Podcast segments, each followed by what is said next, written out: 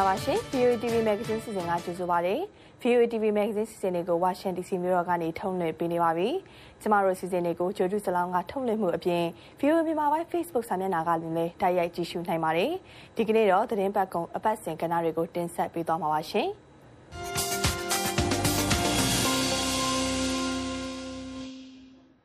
အခုသတင်းတော်မှတ်စုစီစဉ်ကိုတင်ဆက်ပေးပါမယ်။ မြန်မာနိုင်ငံမှာလက်ရှိဖြစ်ပေါ်နေတဲ့နိုင်ငံရေးအခြေအနေတိုင်းရေးပြည်ရဲ့အနေအထားတွေကိုသတင်းတောက်တအူးရဲ့ရှုထောင့်ကနေတင်ဆက်ပေးထားတာဖြစ်ပါတယ်ရှင်။ကိုဗစ်ကပ်ရောဂါကူးစက်သေဆုံးမှုတွေကိုလျှော့ချနိုင်ဖို့အတွက်နိုင်ငံတွင်းမှာဦးစားပေးအုပ်စု12ခုကိုကိုဗစ်ကာကွယ်ဆေးအရင်ဆုံးထိုးပေးခဲ့တာပါ။ဒီအထဲမှာအသက်65နှစ်အထက်ရှိသူတွေ၊ကျန်းမာရေးဝန်ထမ်းတွေနဲ့တက်ကြီးရွယ်အိုတွေအပါအဝင်လုပ်သားအများဆုံးစုဝေးရာအုပ်စုတွေကိုလည်းဦးစားပေးထိုးနှံပေးခဲ့ပါတယ်။ ဒါအပြင်အသက်55နှစ်အထက်ရှိတဲ့သူတွေမတန်ဆွမ်းသူတွေနဲ့တိုင်းရင်းသားလက်နက်ကိုင်အဖွဲ့အစည်းတွေအပြင်သူတို့ရဲ့မိသားစုဝင်တွေဒုက္ခသည်စခန်းတွေမှာနေထိုင်နေသူတွေအပါအဝင် နာတာရှည်နဲ့မကူးဆက်နိုင်တဲ့ယောဂအခန်းရှိသူတွေကိုထက်တိုးအုပ်စုအဖြစ်ကာကွယ်ဆေးထိုးပေးဖို့ကိုထည့်သွင်းထားတယ်လို့ကျန်းမာရေးဝန်ကြီးဌာနပြောခွင့်ရသူဒေါက်တာခင်ခင်ကြီးကပြောပါတယ်အသေးစိတ်ကြတော့ထပ်ပြီးတော့လုံးလုံးကောင်းရအောင်ဖြစ်ပါဘူးဥပမာပြောမယ်ဆိုရင် နာတာရှည်ယောဂအခံရှိတာဘယ်လိုဟာကိုနာတာရှည်ယောဂအခံရှိပြီလဲအဲဒါဆိုနာတာရှည်ယောဂအခံဆိုဒီမှာဘယ်သူတွေပါဝင်လဲဆိုတော့အဲ့လို definition လည်းဖွင့်ရအောင် အဲ့လိုပဲပေါ့နော်။တိုင်းသားလက်နက်ကိုင်ဖွဲ့စည်းဆိုတိုင်းသားလက်နက်ကိုင်ဖွဲ့စည်းတွေဘယ်နှခုရှိသလဲဘယ်နှထိုးမယ်ဒါတွေကသက်ဆိုင်ရာဖွဲ့စည်းတွေကနေတော့အသေးစိတ်ဒါတွေကဒီဒီရေးဖွဲ့အောင်မှာဖြစ်ပါတယ်။နောက်ထပ်ကာကွယ်ဆေးထိုးပေးမဲ့နောက်ထပ်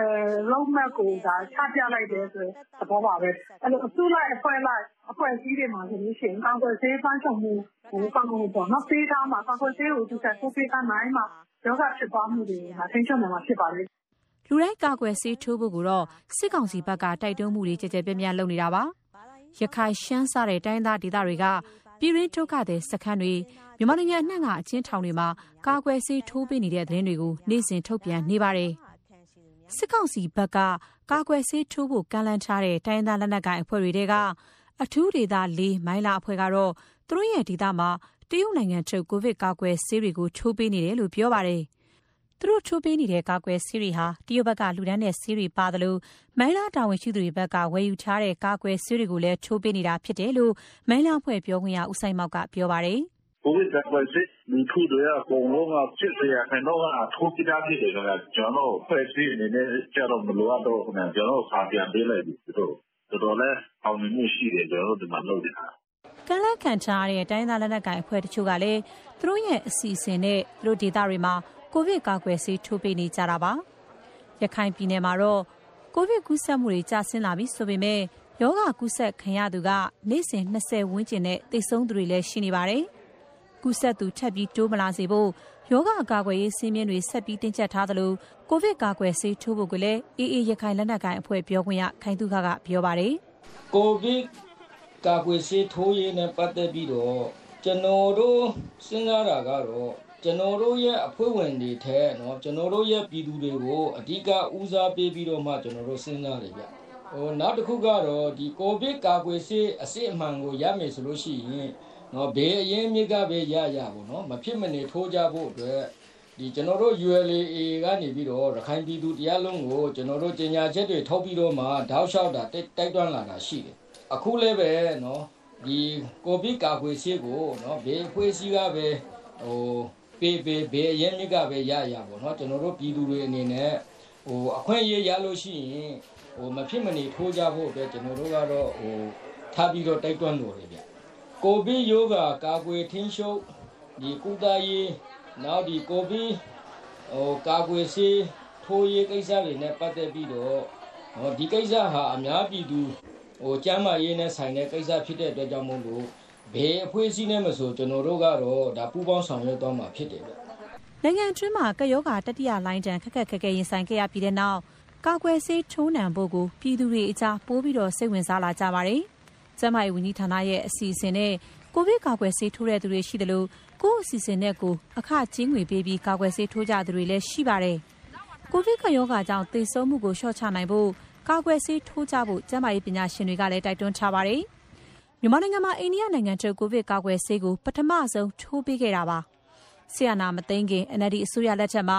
ဦးစားပေးအဆင့်အလိုက် သတ်မှတ်ပြီး ကာကွယ်ဆေးထိုးပေးခဲ့တာဖြစ်ပြီး အပြည့်အဝ ထိုးပြီးသူတွေရှိပေမဲ့လို့ အခုနှစ် ဇွန်လထဲမှာပရမဆေးတလုံး ထိုးထားသူတွေအတွက် အိန္ဒိယနိုင်ငံကနေ ကာကွယ်ဆေး အချိန်မီ ထပ်မရောက်လာလို့ တရုတ်နိုင်ငံထုတ် ဆေးတွေကို အစကနေ ပြန်ထိုးဖို့ ကျန်းမာရေးဝန်ကြီးဌာနက တိုက်တွန်းထားပါတယ်။ထုတ်လုပ်တဲ့ ကုမ္ပဏီချင်းမတူတဲ့ ကိုဗစ်ကာကွယ်ဆေးကို ပြောင်းထိုးတဲ့အခါ ဘယ်လိုအာနိသင်သက်ရောက်မှုရှိမလဲဆိုတာကိုလည်းပြည်သူလူထုကစိတ်ဝင်စားနေပါတယ်။ကမ္ဘာ့ကျန်းမာရေးအဖွဲ့အရှိတောင်အာရှဒေသကာကွယ်ဆေးဆိုင်ရာနည်းပညာအကြံပေးပါမောက္ခဒေါက်တာစောဝင်းကတော့ယောဂကာကွယ်နိုင်ဖို့ရတဲ့ကာကွယ်ဆေးအရင်ထိုးထားဖို့ရှင်းပြပါတယ်။တစ်မျိုးနဲ့တစ်မျိုးပြောင်းဆိုတော့လောလောဆယ်တော့လေဟိုကဘာမှာတော့အဲ့လို recommendation တော့မရှိသေးဘူး။ဒါပေမဲ့လည်းဟိုနောက်ပိုင်းတော့ရှိလာနိုင်တယ်ပေါ့နော်။ဟိုမှာဆိုတော့ Covishield နဲ့ Sputnik နဲ့တွဲပြီးတော့ ထိုးတာကိုသူတေသနာလုပ်နေတာရှိတယ်နော်အေး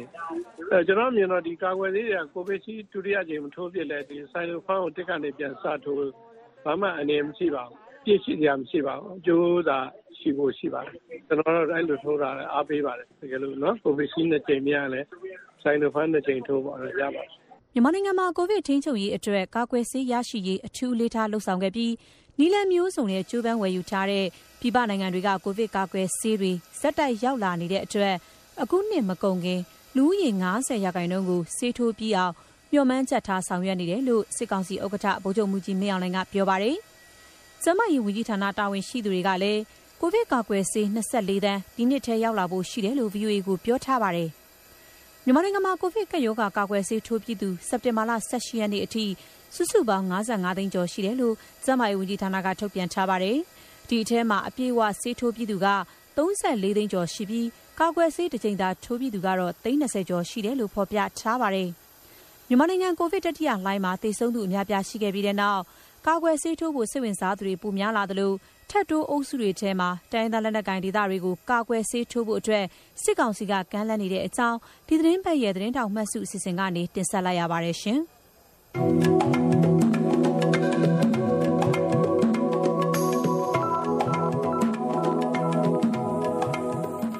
ခုတစ်ခါမှာတော့တင်းငွေနေထဲမှာ တင်ဆက်ပေးနေတဲ့ လူလူနဲ့ကျန်းမာရေးစီစဉ် အလှည့်ရောက်ပါပြီ။အများပြည်သူအနေနဲ့တတိထားရမယ့် ကျန်းမာရေးစောင့်ရှောက်မှုတွေကို လူလူနဲ့ကျန်းမာရေးစီစဉ်မှာဒေါက်တာတန်းစောကတင်ဆက်ထားပါတယ်။မြန်မာနိုင်ငံမှာဇူလိုင်လအတွင်းမှာကိုဗစ်တတိယလှိုင်းကိုပြင်းပြင်းထန်ထန်ကြုံတွေ့ခံစားခဲ့ကြရတာပါ။အသက်ဆုံးရှုံးသွားတဲ့သူတွေရှိသလိုပြန်ကောင်းသွားကြတဲ့သူတွေလည်းအများကြီးရှိခဲ့ပါတယ်။ ကိုဗစ်ကြောင့်အသက်မဆုံးရှုံးပဲပြန်ကောင်းသွားတဲ့သူတချို့မှာတော့နောက်ဆက်တွဲဆိုးကျိုးတွေကိုဆူဆူဝါးဝါကြုံတွေ့ခံစားကြရတယ်လို့အင်္ဂလန် Queen Elizabeth ဆေးရုံဘာမင်ဟမ်မှကိစ္စရောဂါအထူးပြုလေးလာနေသောဆရာဝန်တဦးဖြစ်သူဒေါက်တာချော်ချော်ထွန်းကပြောပါရယ်ဟုတ်ကျွန်တော်အားလုံးသိတဲ့အတိုင်းပဲဇူလိုင်လမှာကျွန်တော်မြန်မာနိုင်ငံဒီကိုဗစ်ကိုကိုဗစ်ရဲ့သက်ဝေးပေါ့နော်အလူအလူလဲကိုခံလိုက်ရတယ်ဟုတ်တယ်တချို့လည်းအသက်ဆုံးရှုံးတယ်တချို့လည်းအလိုပြန်ကောင်းသွားကြတယ်ပေါ့နော်အဲ့မှာပြန်ကောင်းသွားတဲ့ယူတွေတော်တော်များများပါပေါ့နော်အဲဘာကြမ်းခဲ့လဲဆိုတော့ကိုဗစ်ရဲ့နောက်ဆက်တဲ့ ဟိုအဆိုးကျိုးတွေပေါ့နော်အဲဘယ်လောက်ရှိလဲဆိုရှင် data တွေကကြည့်မယ်ဆိုရှင်တော့10%ပေါ့နော်10%လောက်ဒီနောက်ဆွဲတဲ့ခံစားရတယ်ဒါပေမဲ့တချို့တချို့လူတွေပေါ့ဘယ်လိုလူတွေလဲဆိုရင်အမှ covid စိုးစိုးရောက်ခံစားလိုက်ရပြီးတော့ဒီစိတ်ယုံတင်လိုက်ရတဲ့လူတွေပေါ့နော်စိတ်လုံးတင်ရလိုက်ရတင်စိတ်ယုံတက်လိုက်ရတဲ့လူတွေမှာဆိုရင်တော့ဒီနောက်ဆက်တွေက60%ပေါ့နော် more than 60%လောက်ဒီနောက်ဆက်တွေဆက်ပြီးခံစားရတယ်ပေါ့နော် covid ဖြစ်ပြီးတဲ့သူတွေကြုံတွေ့ခံစားကြရတဲ့နောက်ဆက်တွေဆိုးကျိုးတွေဟာ လူနာရဲ့အသက်အရွယ်ယောဂအခန်းရှိမရှိစတဲ့အချက်တွေပေါ်မူတည်ပြီးယောဂပြင်းထန်မှုမှာတူးနဲ့တူးမတူညီပဲကွဲပြားခြားနားကြတာကိုတွေ့ရပါတယ်။လူနာအများစုမှာမပြင်းထန်တဲ့နောက်ဆက်တွဲဆိုးကျိုးကိုသာရရှိခဲ့ပေမဲ့တချို့လူနာတွေမှာတော့ပြင်းထန်တဲ့နောက်ဆက်တွဲဆိုးကျိုးတွေကိုအချိန်တစ်လကနေ3လကျော်တဲ့အထိကြုံတွေ့ခံစားခဲ့ကြရတယ်လို့ဒေါက်တာကျော်ကျော်ထွန်းကပြောပါတယ်။ဘယ်လိုလဲဆိုလို့ရှိရင်ဒီနောက်ဆက်တွဲတွေကိုပြန်ကြည့်မယ်ဆိုရင်တချို့နောက်ဆက်တွဲတွေကဟိုလေးဘတ်ထက်ပို့ပြီးတော့ကြာရပေါ့နော်။တစ်လကနေ3လထိကြာနိုင်တယ်။ဒါပေမဲ့ တချို့နောက်ဆက်တွဲတွေကကြတော့ဘယ်လောက်ထိအောင်ကြာနိုင်လဲဆိုရင်3လထက်ပိုပြီးကြာရတယ်ရှိရပေါ့နော်ကိုဗစ်ဖြစ်တဲ့သူတွေဟာကြုံရတဲ့နောက်ဆက်တွဲဆိုးကျိုးတွေတူးနဲ့တူးမတည်ညီကြသလိုနောက်ဆက်တွဲဆိုးကျိုးပြင်းထန်မှုမှာလည်းတူးနဲ့တူးကွဲပြားခြားနားကြတာကိုတွေ့ရပါတယ်ကိုဗစ်ဖြစ်တဲ့သူတွေဟာဘလို့နောက်ဆက်တဲ့ဆိုးကျိုးတွေကိုကြုံတွေ့ခံစားရလိမ့်ရှိပါသလဲလို့မေးကြည့်တဲ့အခါဒေါက်တာကျော်ကျော်ထွန်းကအခုလိုရှင်းပြပါဗျ။အဲ့မှာနောက်ဆက်တွဲမှာအများကြီးရှိတယ်။နောက်ဆက်တွဲဖြစ်တာဥပမာတချို့ကြတော့လည်းဘာဖြစ်တယ်တချို့ကြမောပြီးကြံခဲ့တယ်ချောင်းဆိုးတယ် အဲရင်ဘတ်တွေအောက်တယ်ရင်တုံတယ်ပေါ့နော်တချို့ကြလည်းခေါင်းတွေမူပြီးကြံခဲ့တာရှိရယ်ခေါင်းမူတယ်အဲအိတ်တာနဲ့ပဲ sleep problems တွေဖြစ်တယ်ပေါ့နော်တချို့ကြတော့ထိုင်တာမူကနေမိုက်ကနေဖြစ်တာတွေရှိရယ်ပေါ့နော်အမျိုးစုံပဲတချို့ကြလည်းအနံ့တွေပြန်မရတာတွေရှိရယ်ဒါမျိုးစုံဖြစ်ကြရယ်ပေါ့နော်နှလုံးခုန်လုံးမြန်တာဟာမြန်မာနိုင်ငံကိုဗစ်တတိယလှိုင်းမှာအတွေ့များခဲ့တဲ့နောက်ဆက်တွဲဆိုးကျိုးတစ်ခုဖြစ်ပါတယ်လူကြီးတွေမှာလည်းမကပဲလူငယ်တွေမှာလည်းနှလုံးခုန်မြန်တဲ့နောက်ဆက်တွဲဆိုးကျိုးကိုကြုံတွေ့ခံစားခဲ့ကြရတာပါအများစုဟာနှလုံးခုန်လုံးတရားကျော်အထိမြင့်တက်ခဲ့တာကိုတွေ့ခဲ့ကြရပါတယ် နှလုံးကုန်မျက်နှာဟာအကြောင်းမျိုးမျိုးကြောင့်ဖြစ်နိုင်ပြီးတချို့အကြောင်းအရာတွေဟာအသက်ဆုံးရှုံးတဲ့အထိအန္တရာယ်ဖြစ်စေနိုင်တာကြောင့်ပေါ်ပေါ်ဆက်ဆက်သဘောမထားဘဲတကြံနောက်တဲ့သူတွေနဲ့တည်တည်ချာချာပြသတိုင်ပင်တင်တယ်လို့ဒေါက်တာကျော်ကျော်ထွန်းကရှင်းပြပါဗျ။အဲ့ဒီမှာမှအခုကျွန်တော်တို့ကျွန်တော်ကျွန်တော်တို့ပြောမှာဒီရင်တုံတာပေါ့နော်။ရင်တုံတယ်ဟာအဲ့တချို့ကြောင့်အခုနောက်ပိုင်းအကြားများတယ်ပေါ့နော်။ဒီတချို့အခုဆိုရင်တော်တော်လူတိုင်းလူတိုင်းမှာအိမ်တိုင်းမှာလို့ bus oximeter တိုင်းတာလေးရှိရဲအဲ့ဒါနဲ့တိုင်းတိုင်းကြည့်ရဲသူတို့ covid ကောင်းသွားပြန်တိုင်းကြည့်ရဲအဲ့ချိန်မှာ heart rate တွေက ညံနေရပေါ့နော်90ရေကျော်နေ100ရေကျော်နေအဲ့ဒါဒါအခုနောက်ပိုင်းအတွေ့များလာတယ်ပေါ့နော်ဟုတ်အဲ့ဒါနဲ့ပတ်သက်ပြီးဟုတ်ကျွန်တော်တို့ပြောချင်ပါတယ်ဟုတ်အဲ့ဒါကိုဗစ်ဖြစ်ပြီးတော့ဒီ heart rate တွေမြန်တယ်ပေါ့နော် heart rate တွေပုံမှန်ပုံမှန်ထက်ကိုမြန်တယ်ဒါ90ကျော်ရ100ကျော်ရပေါ့အဲ့လိုမြန်လို့ရှိရင်ဒါ analyze cost ပေါ့နော်ဖြစ်နိုင်ခြေအားကြတော့အများကြီးရှိတယ် ဖြစ်နိုင်ခြေအများကြီးရှိတယ်မှာတချို့ဖြစ်နိုင်ခြေရကြတော့ဒါအသက်အန္တရာယ်မရှိဘူးတချို့မှာထားပါတော့ anxiety ကြောင့်ဖြစ်တယ် heart rate တွေတက်တယ်ဒါအသက်အန္တရာယ်မရှိဘူးဒါပေမဲ့တချို့ heart rate တက်စီတောင်းရရကြတော့ဒါအသက်အန္တရာယ်ရှိနိုင်တယ်ပေါ့နော်ဟုတ်အိမ်မှာ သူ့မှာဟိုသွေးခဲဆုတာမျိုး pulmonary embolism ပေါ့နော်အဆုတ်မှာသွေးခဲဆုတဲ့ condition တွေမျိုးသွေးခဲပိတ်တဲ့ condition တွေမျိုးအဲ့လိုမျိုးအခြေအနေဆိုရင်တော့ဒါအသက်အန္တရာယ်ရှိနိုင်တယ်ပေါ့နော်အဲဒါကြောင့်ပြောချင်တာကကြတော့ဘယ်လိုလဲဆိုတော့အဲ့ဒီဒါဒီလိုမျိုး heart rate တွေတက်လာပြီဆိုရင်တော့ဒါမပေါ့တဲ့ပေါ့နော်မပေါ့ဘူးမပေါ့တဲ့ဘူးအဲ့တေချာတက်ကြွတဲ့လူနဲ့ပေါ့နော်တေချာ assessment တွေလုပ်မယ်ပြသမယ်ကုသမှုခံယူမယ်ပေါ့နော် မြန်မာနိုင်ငံမှာဇူလိုင်လအတွင်းမှာကိုဗစ်တတိယလှိုင်းကိုပြင်းပြင်းထန်ထန်ကြုံတွေ့ခံစားခဲ့ရပြီးကိုဗစ်ဖြစ်ပြီးတဲ့သူတွေမှာလည်းနောက်ဆက်တွဲဆိုးကျိုးမျိုးမျိုးကိုကြုံတွေ့ခံစားခဲ့ကြရတာကြောင့်ကိုဗစ်နောက်ဆက်တွဲဆိုးကျိုးတွေကိုသတိပြုကာကွယ်ထားနိုင်မှုအတွက်တင်ပြပေးလိုက်တာဖြစ်ပါတယ်ကျွန်တော်တန်းစောပါ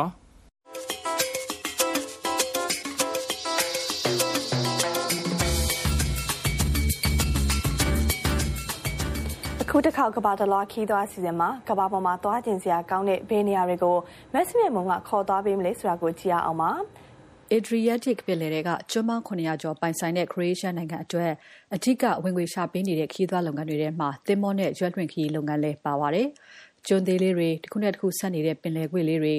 ပင်လယ်ထဲကနေလှမ်းမြင်နိုင်တဲ့မြို့လေးတွေ တည်တည်တံ့တံ့ဖြစ်နေတဲ့ ပင်လယ်ကမ်းခြေတွေကြောင့် ခရိုအေးရှားကို ကမ္ဘာလှည့်ခီးသည်တွေ တကူးတကလာပြီးတော့သင်္ဘောနဲ့ ရွက်လွှင့်ခရီး ထွက်ကြလေရှိပါတယ်။ဥရောပနိုင်ငံအများစုမှာ ကိုဗစ်ကပ်ရောဂါကြောင့် ခရီးသွားလုပ်ငန်းတွေ ထိခိုက်နေချိန်မှာ ခရိုအေးရှားက ရွက်လွှင့်သင်္ဘောလုပ်ငန်းတွေကတော့ အတော်လေး အလုပ်ဖြစ်နေပါတယ်။ဒါကြောင့် ရှုခင်းလှတဲ့ Adriatic ပင်လယ်ထဲမှာ ခရိုအေးရှားသင်္ဘောတွေ ရွက်လွှင့်သွားလာနေတာကို ပြန်ပြီး မြင်တွေ့နေရပါတယ်။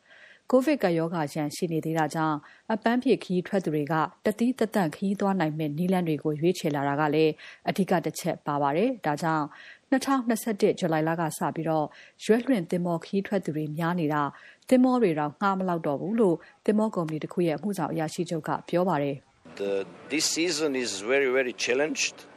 because of uh,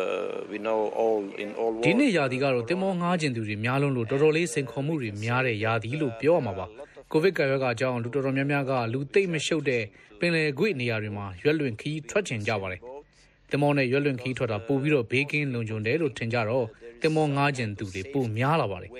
ခတ်တာကခရိုရှားနိုင်ငံမှာရွက်လွင်အငှားတင်ပေါ်4000ကျော်ရှိတော့ခီးသွားများတဲ့ယာတီမျိုးမှာလူရှင်းတဲ့ပင်လယ်ကွေ့နေရာဆိုတာမရှိသလောက်ပါပဲ ဒါပေမဲ့လည်းတင်မောနဲ့ရွက်လွင်ခီးထွက်ရတာတခြားခီးတွေထက်အများကြီးအနေရကင်းတဲ့အပြင်စိတ်ဝင်စားစရာလည်းကောင်းပါတယ်သူတို့ကုမ္ပဏီမှာအောက်တိုဘာလကုန်တဲ့အထိသင်္ဘောတွေချိုးတင်ငှားထားကြလို့တစည်းမှမကြံတော့ဘူးလို့ပြောပါတယ်။တခြားနိုင်ငံတွေမှာခီးသွွားလုပ်ငန်းပြန်လည်ကောင်းမွန်အောင်စ조사နေရချိန်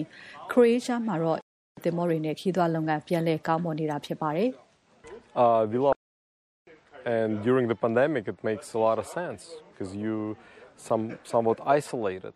ကျွန်တော်တို့ကတင်မောနဲ့ရွက်လွှင့်ခီးထွက်တာတိတ်သဘောကျပါတယ်။ကက်ယောဂဖြစ်နေချိန်မှာရွက်လွှင့်ခီးထွက်တာပိုတောင်ဒိဗယ်ရှိပါတယ်။တီးတီးတန်းတန်းရှိတယ်။လွတ်လပ်တဲ့အရာသာကိုလည်းကောင်းကောင်းခံစားရပါတယ်။ဘယ်ကိုခီးထွက်ရင်ကောင်းမလဲလို့ရွေးတော့ခရိုအေးရှားမှာတင်မောနဲ့ရွက်လွှင့်ခီးထွက်ဖို့နံပါတ်1ရာနှုန်းပြည့်ရွေးချယ်ဖြစ်ခဲ့ပါတယ်။ And I think it's much safer than just going to a hotel where you meet different people all the time. လူတွေအများကြီးနဲ့တစ်ချိန်လုံးတွေ့နေရတဲ့ဟိုတယ်မှာထက်ဒီမှာအများကြီးပိုလုံခြုံစိတ်ချရတယ်လို့ထင်ပါတယ်။ဒီမှာတင်မောမှလည်းမူရဲ့ကို့မိသားစုဝင်တွေရဲ့ဆိုတော့တကယ်ကိုဘေးကင်းတယ်လို့ထင်ပါတယ်။ခရိုအေးရှားနိုင်ငံမှာကိုဗစ်ကပ်ရောဂါကူးစက်မှုနည်းသွားပြီဖြစ်လို့ရေထဲမှာလည်းမဟုတ်ဘဲကုန်းပေါ်မှာလည်းနိုင်ငံတကာခီးသွားတွေပြန်များနေပါတယ်။တင်မောနဲ့တည်တည်တတ်တတ်ရွက်လွှင့်ခီးထွက်သူတွေအနေနဲ့ကမ်းရိုးတန်းတစ်လျှောက်ကမြို့လေးတွေစီကိုလည်းကမ်းကပ်ပြီးရှောက်လည်နိုင်ကြပါတယ်။ Uh, it's huge difference generally between tourism uh, like uh, beach and sailing away. When you sail ပင်လယ်ကမ်းခြေအပန်းဖြေခရီးထွက်တာနဲ့သင်္ဘောနဲ့ရွက်လွှင့်ခရီးထွက်တာအများကြီးကွာပါတယ်။ရွက်လွှင့်ရတဲ့အရသာကတကယ်ကိုဘဝအရသာခံစားရတယ်လို့ပါတခြားသူတွေအများကြီးနဲ့ရောရောထွေးထွေးလည်းဖြစ်မနေတော့လူတွေစိတ်ထဲမှာပိုပြီးဘေးကင်းတယ်လို့ခံစားကြရပါတယ်။တကယ်လို့ဂျွန်ပေါ်တက်စားတော့ဆိုင်တစ်ခုခုမှသွားစားရင်တော့တခြားသူတွေနဲ့စုံမှာပါ။ မြို့ကြီးတွေစီသွားလဲခြင်းလို့ကမ်းပေါ်တက်တယ်ဆိုလဲအလားတူပါပဲ။တခြားသူတွေအများကြီးနဲ့တွေ့မှာပါ။ဒီသင်္ဘောပေါ်မှာရွက်လွှင့်နေချိန်မှာတော့ဘေးကင်းလုံခြုံနေအောင်ကျွန်တော်တို့ဘက်ကအတက်နိုင်ဆုံးလှုပ်ထားပါတယ်။ခရိုအေးရှားနိုင်ငံရဲ့ခီးသွွားလုပ်ငန်းပုတ်အဖွဲ့ပြောကြားချက်အရ2021ခုနှစ်စက်တင်ဘာလအထိခရိုအေးရှားနိုင်ငံစီကိုလာကြတဲ့ဧည့်သည်က9သန်းလောက်ရှိပါတယ်။ကိုဗစ်ကပ်ရောဂါမဖြစ်ခင်2019ခုနှစ်ကတော့ကမ္ဘာ့လှည့်ခီးသည်18သန်းလောက်လာခဲ့ကြတာပါ။ Trenutno Hrvatska bilježi dobru epidemiološku sliku, tako da su nam zemlje ခရိုအေးရှားမှာအခုကပ်ရောဂါအခြေအနေကတဖြည်းဖြည်းကောင်းလာနေပါပြီ။နိုင်ငံအတော်များများကလည်းခီးသွားဖို့စိတ်ချရတဲ့စီးရင်ထဲမှာခရိုအေးရှားကိုထည့်လာပါပြီ။ဂျာမနီကဆိုရင်ကပ်ရောဂါကူးစက်မှုခံရနိုင်ခြေနေတဲ့နိုင်ငံစာရင်းထဲမှာထည့်ပြီးခရိုအေးရှားကလာတဲ့လူတွေဆိုရင် Quarantine လုပ်စရာမလိုတော့ဘူးလို့သတ်မှတ်လိုက်ပါတယ်။အဲဒီလိုသတ်မှတ်တာမျိုးကခရီးသည် Booking တွေအပေါ်အများကြီးသက်ရောက်မှုရှိပါတယ်။ ခရိုအေးရှားနိုင်ငံဆီ ရွက်လွှင့်ခရီးထွက်ကြဖို့ လာကြသူအများစုက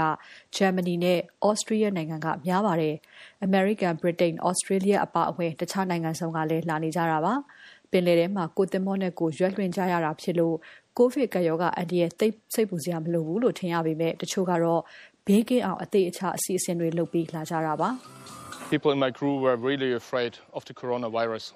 A lot of people couldn't commit to the holiday. They didn't want to go to Croatia. ကျွန်တော်တို့အဖွဲ့တွေကသူတွေကကိုဗစ်ကူးစက်ခံရမှာအရန်စိုးရင်ကြပါတယ်။အများစုကခရိုအေးရှားခီးမထွက်ချင်ကြပါဘူး။အဲဒါကြောင့်ကျွန်တော်တို့ကဘေးကင်းအောင်အစစ်အစစ်လုပ်ခဲ့ကြတာပါ။ပထမဆုံးတခြားသူတွေနဲ့မတွေ့ဘဲတရင်တစ်ပတ်တီးခြားခွဲနေပါတယ်။ဂျာမနီကထွက်မလာခင်လည်း PRC test နဲ့ COVID စစ်ခဲ့ပါတယ်။တချို့ဆို COVID ကာကွယ်ဆေးပါထိုးခဲ့ကြပါတယ်။သူတို့ဆိုရင်ဂျာမနီကလာတာတော့မှလင်းပြန်အစားကားနဲ့လာခဲ့ကြပါတယ်တဲ့။ သူတို့လို အင်မတန်တတိထားပြီးခီးထွက်သူတွေကြောင့်လဲတီးတီးတန်းတန်းတင်မောနဲ့ ရွက်လွှင့်နိုင်တဲ့ခီးသွွားလုပ်ငန်းတွေ အလုပ်ဖြစ်နေတာပါ။နွေရာသီခီးသွွားရာသီအစားဖြစ်တဲ့ဂျွန်လတုန်းကခီးသွွားဧည့်သည်တွေတိတ်မလာခဲ့လို့ ရွက်လွှင့်ခီးသွွားလုပ်ငန်းတွေ ဒုက္ခရောက်တော့မယ်လို့ ထင်ထားခဲ့ရကဇူလိုင်လမှာ ရုတ်တရက် booking တွေ ပြန်များလာတာ အောက်တိုဘာလကုန်အထိ ဖြစ်ပါတယ်။ bilježimo rast, brodovi se zaista traže za 7, 8, 9. စံချိန်တင်အောင်ကို များလာပါတယ်။ July, August နဲ့ September လတွေမှာ booking အပြည့်ပါ။ ဇွန်လထဲမှာလည်း အဲ့လို booking အပြည့်ဖြစ်စီခြင်းပေမဲ့ April, May တွေတုန်းက အခြေအနေတွေနဲ့ရှင်တော့ဇောတကတက်နေလို့တော့ မရပါဘူး။မေလတုန်းက ထိခိုက်ခဲ့တာက အခုနှစ် နွေရာသီ မကုန်ခင်မှာတော့ ပြန်ပြီးတော့ကာမိမယ်လို့ မျှော်လင့်ပါတယ် ကိုဗစ်ကပ်ရောဂါကြောင့် တကမ္ဘာလုံးကခီးသွွားလုပ်ငန်းအားလုံး ရပ်နေခဲ့တဲ့2020ခုနှစ်တုန်းကဆိုရင် ခရိုအေးရှားနိုင်ငံကခီးသွွားလုပ်ငန်းတွေ တော်တော်လေး ဒုက္ခရောက်ခဲ့ကြပါတယ်။ဝင်ငွေမရှိပေမဲ့ သင်္ဘောတွေကို ထိမ့်သိမ်းကနဲ့ ဝန်ထမ်းစရိတ်က သင်္ဘောတစ်စီးအတွက်တစ်နှစ်ကို ဒေါ်လာ3000ခွဲကျော် ကုန်ကြတာမို့ အတော်ကို ထိခိုက်ခဲ့ကြပါတယ်။အခုတော့ Adriatic ပင်လယ်ထဲမှာ ရွက်လွှင့်ခီးထွက်ချင်သူတွေ များနေတာကြောင့် သင်္ဘောတွေ ငှားမလောက်တဲ့ အခြေအနေတောင်ရှောင်နေပါတယ်ရှင်။ကျွန်မဆွေမြတ်မော်ပါ။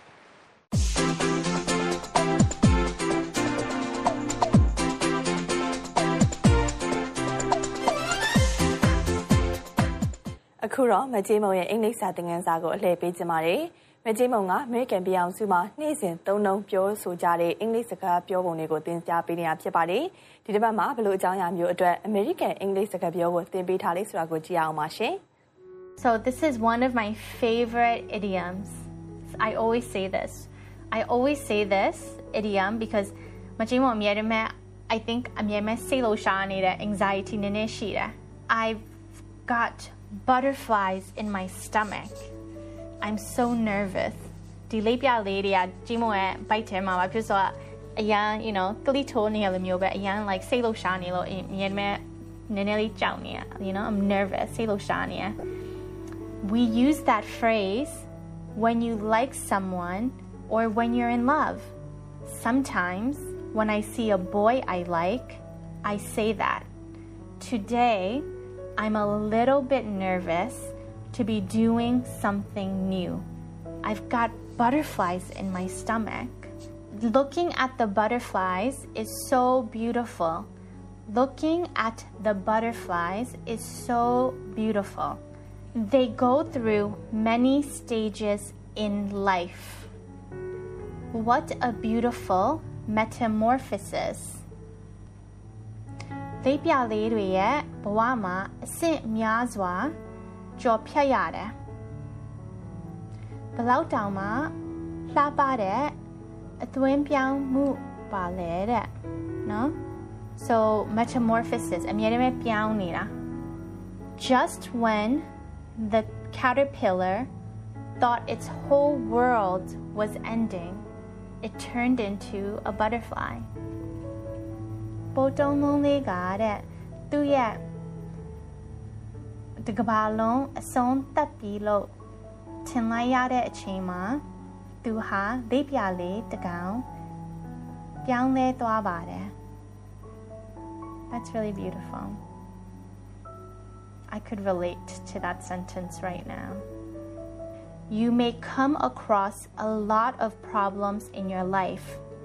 but it will only make you stronger better and more beautiful than ever That is what the butterfly means to me ဘဝမှာပြဿနာတွေအများကြီးကြုံတွေ့လာခဲ့ခဲ့မယ်။ဒါပေမဲ့အဲ့ဒီအရာတွေကပိုပြီးတမ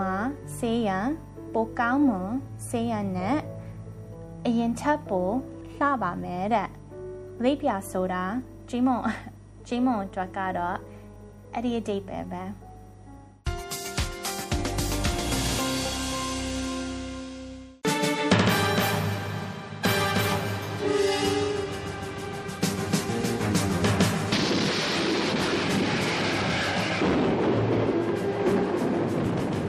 လွန်ခဲ့တဲ့1945ခုနှစ်က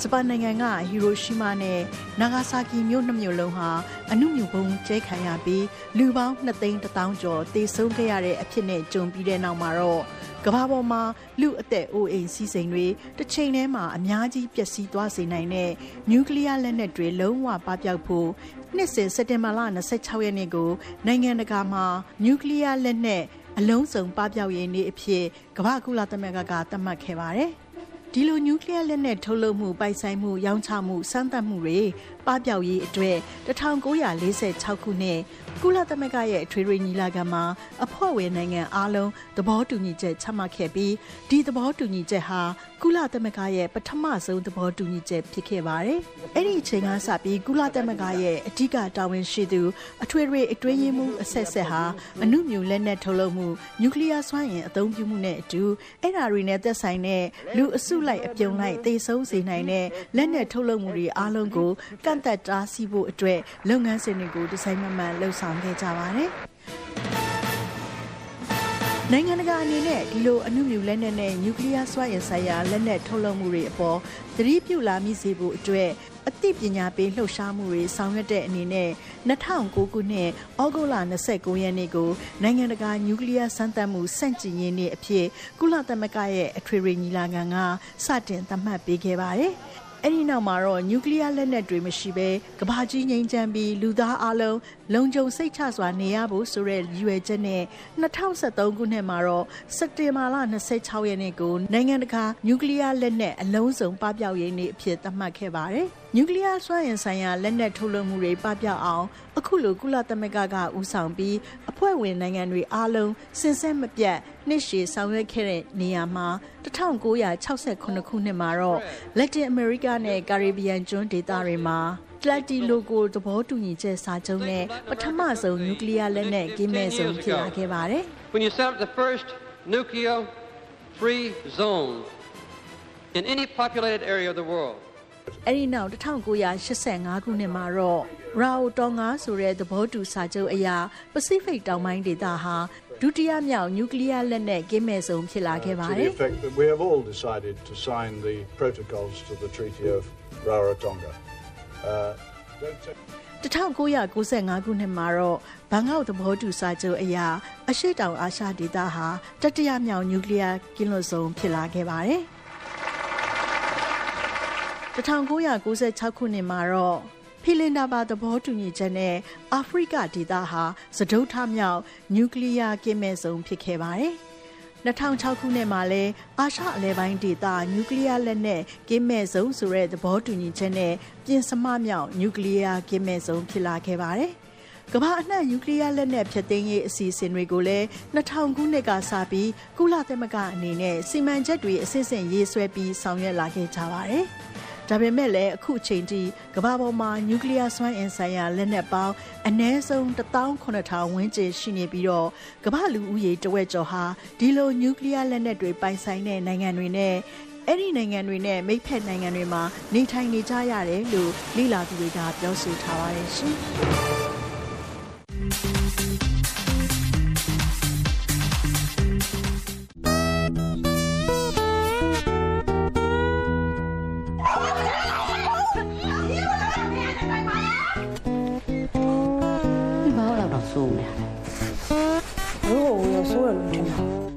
ဂျာမနီနိုင်ငံမှာကျင်းပတဲ့ Oldenburg နိုင်ငံတကာရုပ်ရှင်ပွဲတော်မှာမြန်မာနိုင်ငံကဒါရိုက်တာနာကြီးရိုက်ကူးတဲ့ What Happened to the Wolf မြန်မာရုပ်ရှင်ဇာတ်ကားနဲ့မင်းသမီးအိန္ဒြာကျော်စင်ကအကောင်းဆုံးအမျိုးသမီးတရုပ်ဆောင်ဆုစီမောကာဆာဆုရရှိသွားပါတယ်။ စစ်ကောင်စီဖမ်းဆီးအကျဉ်းချထားလို့အင်းစိန်ထောင်မှာထောင်သွင်းအကျဉ်းချခံထားရတဲ့မင်းသမီးအိန္ဒြာကျော်စင်ကိုဂုဏ်ပြုတဲ့အနေနဲ့ဒီရုပ်ရှင်ပွဲတော်ကိုစီစဉ်တဲ့ရုပ်ရှင်ထုတ်လုပ်သူ Torsten Newman အပါအဝင်ပွဲတော်စီစဉ်သူတွေပွဲတော်ဖွင့်ပွဲနေ့မှာအင်္ဂလိပ်လိုအိန္ဒြာကျော်စင်ဆိုတဲ့စာရင်းနဲ့အင်ဂျီတွေကိုပွဲတော်ဖွင့်ပွဲနေ့ကဝတ်ဆင်ထားခဲ့ကြပါတယ်။ စုပေးပွဲအခမ်းအနားကိုတော့ဖမ်းဆီးခံထားရလို့မင်းသမီးအိမ်ထွားကျော်ချင်းကိုယ်တိုင်တက်ရောက်ပြီးတော့စုလက်ခံမယူနိုင်တဲ့အပြင်ဒီဇက်ကားကိုရိုက်ကူးတဲ့ဒါရိုက်တာနာချီပြီးတော့သူ့ဇနီးလည်းဖြစ်ဒီရုပ်ရှင်ဇက်ကားမှာဇက်ဖို့တရုပ်ဆောင်လည်းဖြစ်တဲ့မင်းသမီးပိုင်ဖြိုးသူနဲ့တရုပ်ဆောင်အောင်မြင့်မြတ်တို့လည်းစစ်ကောင်စီကတက်မတော်ပြိုကွဲအောင်လှုံ့ဆော်မှုပုံမှန်905ကကြီးနဲ့တရားစွဲဆိုထားတာကြောင့်ထွက်ပြေးတိမ်းရှောင်နေကြရပါတယ် 1988ခုနှစ်ကတည်းကကျင်းပတဲ့ Oldenburg ရုပ်ရှင်ပွဲတော်ဟာဒီနှစ်လူကိုယ်တိုင်တက်ရောက်ခွင့်ပေးပြီးတော့ဂျာမနီနိုင်ငံရဲ့နံပါတ်1အင်ဒီရုပ်ရှင်ပွဲတော်ဖြစ်ပါတယ်။ Hollywood လိုငွေတွေပုံအော်ပြီးရိုက်တဲ့ရုပ်ရှင်ကားကြီးတွေမဟုတ်ဘဲနဲ့ရုပ်ရှင်ထုတ်လုပ်သူတွေရုပ်ရှင်ကားဖန်တီးသူတွေငွေနဲ့နဲ့ဖန်တီးတဲ့ရုပ်ရှင်ကားတွေကိုပြသပြီးတော့ရှင်ပြိုင်ကြတာပါ။အခုလိုမျိုးမြန်မာနိုင်ငံကရုပ်ရှင်မင်းသမီးနိုင်ငံတကာရုပ်ရှင်ပွဲတော်မှာဆုရရှိတာဟာ နိုင်ငံအတွက်ဂုဏ်ယူစရာဖြစ်ပြီးတော့အာဏာရှင်ဖိနှိပ်မှုကိုလက်တွေ့ကြုံနေရသူတဦးရဲ့အမှုပညာကိုဒီမိုကရေစီပြည့်ဝတဲ့တိုင်းပြည်တစ်ခုမှာတန်ဖိုးထားချီးမြှောက်တာကိုပြသရာရောက်တယ်လို့မြန်မာပြည်သက်တွေကလူမှုကွန်ရက်စာမျက်နှာတွေမှာရေးသားနေကြပါတယ်။ Universal Studio ရုပ်ရှင်ထုတ်လုပ်ရေးကတော့တရုတ်နိုင်ငံမှာသူ့ရဲ့ရုပ်ရှင်ထုတ်လုပ်ရေးပထမဆုံးအပန်းဖြေကစားကွင်းကြီးဖြစ်နေတနင်္လာနေ့စက်တင်ဘာလ20ရက်နေ့ကပဲကစားကွင်းကြီးတစ်ခုဖွင့်လိုက်ပါတယ်။ ကိုဗစ်ကူးစက်ကပ်ဘေးကြီးဖြစ်ပွားနေတာကြောင့်ဒီကစားကွင်းကြီးတိဆောက်ပြီးမြောက်မှုမှာကြမ်းကြောင်မှုတွေမျိုးစုံဖြစ်ခဲ့ပါတယ်။ဒီကစားကွင်းကြီးဖွင့်လှစ်တဲ့နေ့ကတော့တရုတ်နိုင်ငံမှာအများပြည်သူအားလပ်ရက်နေ့ဖြစ်ပြီးတော့မိုးရေရွာနေတဲ့ကြားကဒီကစားကွင်းကိုလူတွေအများကြီးအစောကြီးတဲ့ကရောက်လာကြတာပါ။ဒီကစားဝင်းကိုလာဖို့လက်မှတ်တွေကိုလည်းပထမသတင်းပတ်မှာလက်မှတ်ကြိုတင်ရောင်းချတာလက်မှတ်တွေပြတ်သွားခဲ့တာဖြစ်ပါတယ်။开心激动期待就是玩的好 လက်မှတ်ရလို့ကန်ကောင်းသူအက်ဒဆူကတော့သူလက်မှတ်ရလိုက်တာကိုအရန်ပျော်နေပြီးတော့အထဲမှာတန်းစီရတာလိုင်းရှည်ကြီးမဖြစ်ပါစေနဲ့လို့ဆူတောင်းနေခဲ့တာပါဒီကစားကွင်းကြီးကို2016ခုနှစ်ထဲကစောက်လုပ်နေတာဖြစ်ပြီးတော့ဒီကစားကွင်းဖွင့်လှစ်နိုင်ရေးအတွက်တရုတ်အာဏာပိုင်တွေဘက်ကတော်တော်ကိုအားပေးပါတယ်။ဒီကစားကွင်းနေရာကိုရောက်တဲ့မြေအောက်ရထားလိုင်းကိုပါတိုးချဲ့ပြီးတော့စောက်လုပ်ပေးထားတာဖြစ်ပါတယ်။ဒီကစားကွင်းကြီးမှာကစားစရာစီးစရာမျိုးစုံစားတောက်ဆိုင်တွေပြကန်းတွေအပြင်ဟိုတယ်နှလုံးတောင်မှာပါပါတယ်။ Universal ကအခုဆိုရင်အာရှမှာဖွင့်တဲ့ကစားကွင်းတွေကဂျပန်နဲ့စင်ကာပူအပြင်အခုတရုတ်နိုင်ငံမှာပေါင်းတော့အာရှ၃နိုင်ငံဖြစ်သွားပါတယ်။ကမ္ဘာတဝမ်းမှာဆိုရင်တော့အခုဟာကသူတို့ရဲ့၅ခုမြောက်ကစားကွင်းဖြစ်ပါတယ်။ Harry Potter, Jurassic Park, Kung Fu Panda ဒီလိုမျိုးသူတို့ထုတ်လုပ်ထားတဲ့ရုပ်ရှင်ကားတွေရဲ့ပစ္စည်းတွေရောင်းချရမှုကလည်းဒီလိုမျိုးကစားကွင်းကြီးတွေမှာအများကြီးမိတည်နေတာပါ။ အခုတရုတ်နိုင်ငံကကစားကွင်းတင်မှာတော့ကိုဗစ်ကန့်သတ်ချက်တွေနဲ့အညီအားလုံးနှာခေါင်းစည်းတွေဝတ်ဆင်ရမှာဖြစ်ပြီးတော့ကစားကွင်းဝင်ပေါက်ကိုဗစ်ကင်းရှင်းကြောင်းကျန်းမာရေးထောက်ခံချက်ပြရမှာဖြစ်ပါတယ်ရှင်။တင်းဂရီနေ့ VOA Mi TV Magazine စီစဉ်ကတော့ဒီလောက်ပါပဲရှင်။ VOA TV စီစဉ်တွေကို Interset 70နဲ့ Mia Set 3ဂျိုရူတွေကနေနေ့တိုင်းည9:00နာရီမှာစီစဉ်သစ်တွေကိုထုတ်လွှင့်ပေးနေပါတယ်။နောက်နေ့ညစီစဉ်သစ်မပြောင်းခင်အထိအချင်းချင်းထပ်ပြီးတော့ထုံးလင်းပေးနေတာဖြစ်ပါတယ်။ VOA American အတန်ရဲ့ရေဒီယိုနဲ့ရုပ်သံတင်ဆက်မှုတွေကို VOA မြန်မာ website အပြင် Facebook လူမှုကွန်ရက်နဲ့ YouTube website ပေါ်မှာလည်းနားဆင်ကြည့်ရှုနိုင်ပါတယ်။ VOA သတင်းပတ်ကုံ TV Magazine စီစဉ်ကိုကြည့်ရှုတဲ့အတွက်အထူးပဲကျေးဇူးတင်ပါတယ်။အားလုံးရှင်လန်းချင်နေကြပါစေရှင်။